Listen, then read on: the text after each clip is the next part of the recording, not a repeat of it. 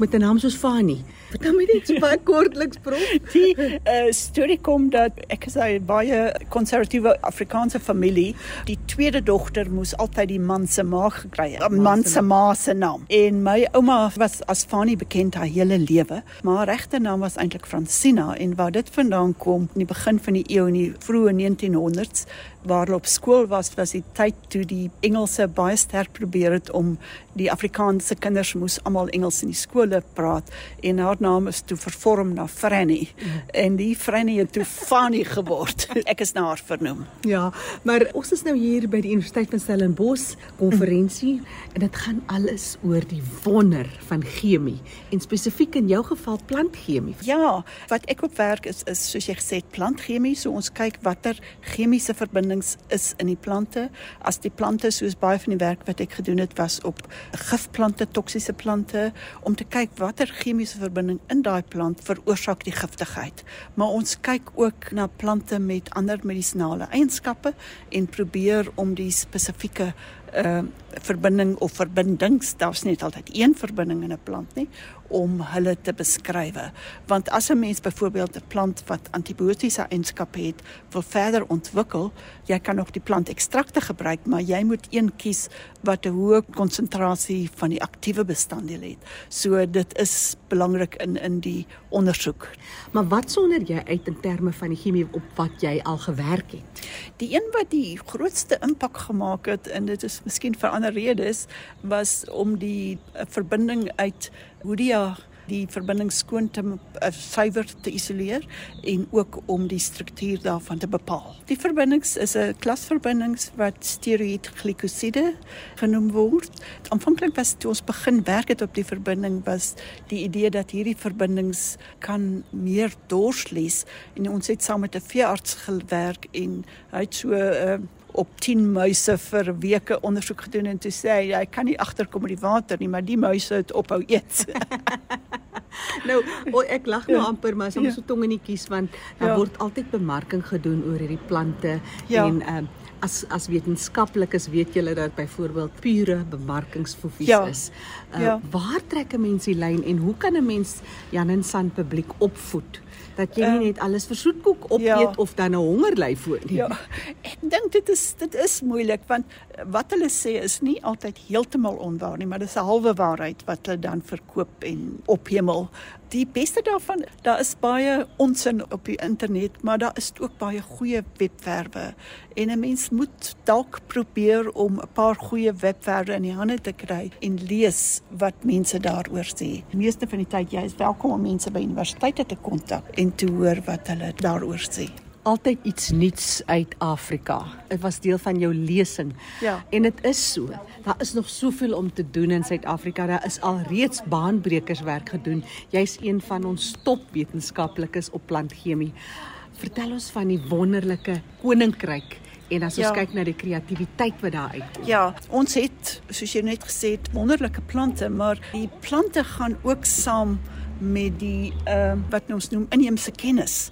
Daar's baie medisyne wat op plante gegrond is, maar dit is verwys dat jou tipe van die kanse om 'n aktiewe verbinding te kry uit plante is baie hoër as dit 'n medisonale plant is as wanneer dit 'n plant is wat glad nie gebruik word nie. So dit gee die die inheemse uh, kennis daaroor. Nou die inheemse kennis is al baie goed opgeskrywe, uh, maar daar is nog baie wat hmm. nie opgeskryf is nie. Ek dink ook eh, die idee is nie dat mense misbruik nie, maar dat mense eerder moet saamwerk as om as individue te werk. Ongelukkig is daar baie van ons plante wat wat reg oor die wêreld. Jy weet die Hoodia was ek by 'n konferensie gewees so 3 jaar gelede en daar het 'n Chinese dametjie opgestaan. Hmm en sy het 'n baie goeie lesing gelewe intensief oor verbindings wat hulle uit hierdie uitgehaal het en die aktiwiteite. Nou ek dink in Suid-Afrika moet ons meer saamwerk.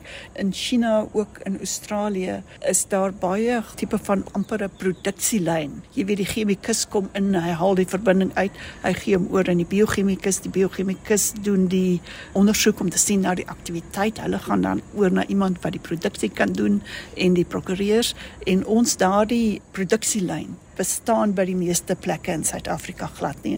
Daarvoor is dit moeilik om nuwe produkte verder te ontwikkel. Ja. Byvoorbeeld van my studente werk op Euphorbia.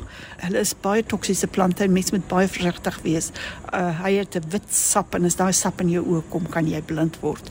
Maar in Australië het hulle ook van die Euphorbia spesies en hulle het nou al twee produkte op die mark teen velkanker en die ander een is ook kankergewasse vir diere. Hulle kom tot die ontwikkeling van die produk omdat hulle baie goed saamwerk.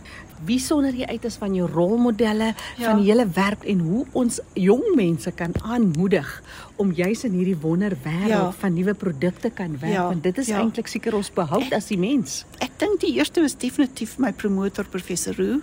Hy was 'n baie toegewyde man geweest. Hy het self geweldig hard gewerk en hy het internasionaal baie groot aansien gehad vir die werk wat hy gedoen het.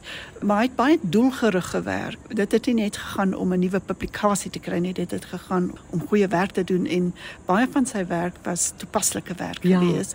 Ons is op 'n stadium wat 'n mens moet besef as navorsers het ons 'n verpligting teenoor die belastingbetaler want baie van ons navorsing word deur die belastingbetaler befonds dat ons werk doen wat doelgerig is maar aan die ander kant moet 'n mens ek noem hulle my pet projekte Jy moet nie vergeet nie. ja, nee, want moet dit nie is lekker vergeet om dit nog te kan geniet. Dit nie. is dis nie net geniet nie, maar baie van die groot ontdekkings is gemaak deur mense wat basiese wetenskap wou doen. Hulle het nie op daardie stadium gedink daar is 'n toepassing nie.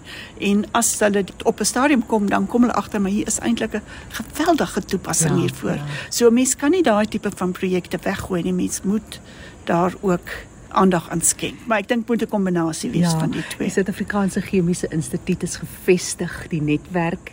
Ja. Die groot eer het jou te beurt geval. Jy het 'n Ja. goudmedalje ontvang. Vertel ons daarvan. Dit is vir jare se toewyding. Daar word elke jaar een medalje toegekend aan 'n lid wat jy moet lid wees van die vereniging. Dit is vir 'n leeftydse werk basies. Dit is nie net vir een projek nie. So na al die jare is al die ure se werk Ja. en tog die moeite werd. Iemand het opgelet. Ja, ja. Weet ons almal deesdae so slim. Ons kan net op Dr Google ingaan. Jy moet miskien net 'n bietjie versigtig ook moet wees, Ja. maar ook jou studente dan. Ja. Ek het een van ons Suid-Afrikaanse landgenote, Trevor Noah, het onlangs afskeid geneem van sy program in Amerika en in sy afspraak die laaste program het hy gesê wat iets vreeslik belangrik is. Hy het gesê mens moet altyd enige iemand iets sê of iets doen, jy moet die konteks verstaan. So as jy enig wil iets lees of wat ook al, jy moet die konteks verstaan. En die, probleem is altyd die mense wat net vinnig iets Google verstaan nie altyd die konteks nie. Ek bedoel ons almal is maar dieselfde, maak ons skuldig daaroor. Ja. Dikwels om die konteks te verstaan, is dit goed om met iemand te praat daaroor. En jy weet baie ontdekkings is al gemaak deur mense wat glad nie uh kundig is, is op die vakgebied nie. Mense hoef nie as hulle 'n uh, tipe van sekere aktiwiteite by 'n plant, uh, hulle kan waarneem wat Ja. wetenskaplikes nog nooit waargeneem het. Ja. Die, die Amerikaners noem dit citizen science. Mense moet daar aandag skenk ook. Waar kan mense meer oplees oor die werk wat jy doen? Daar is 'n webtuiste wat noem Google Scholar.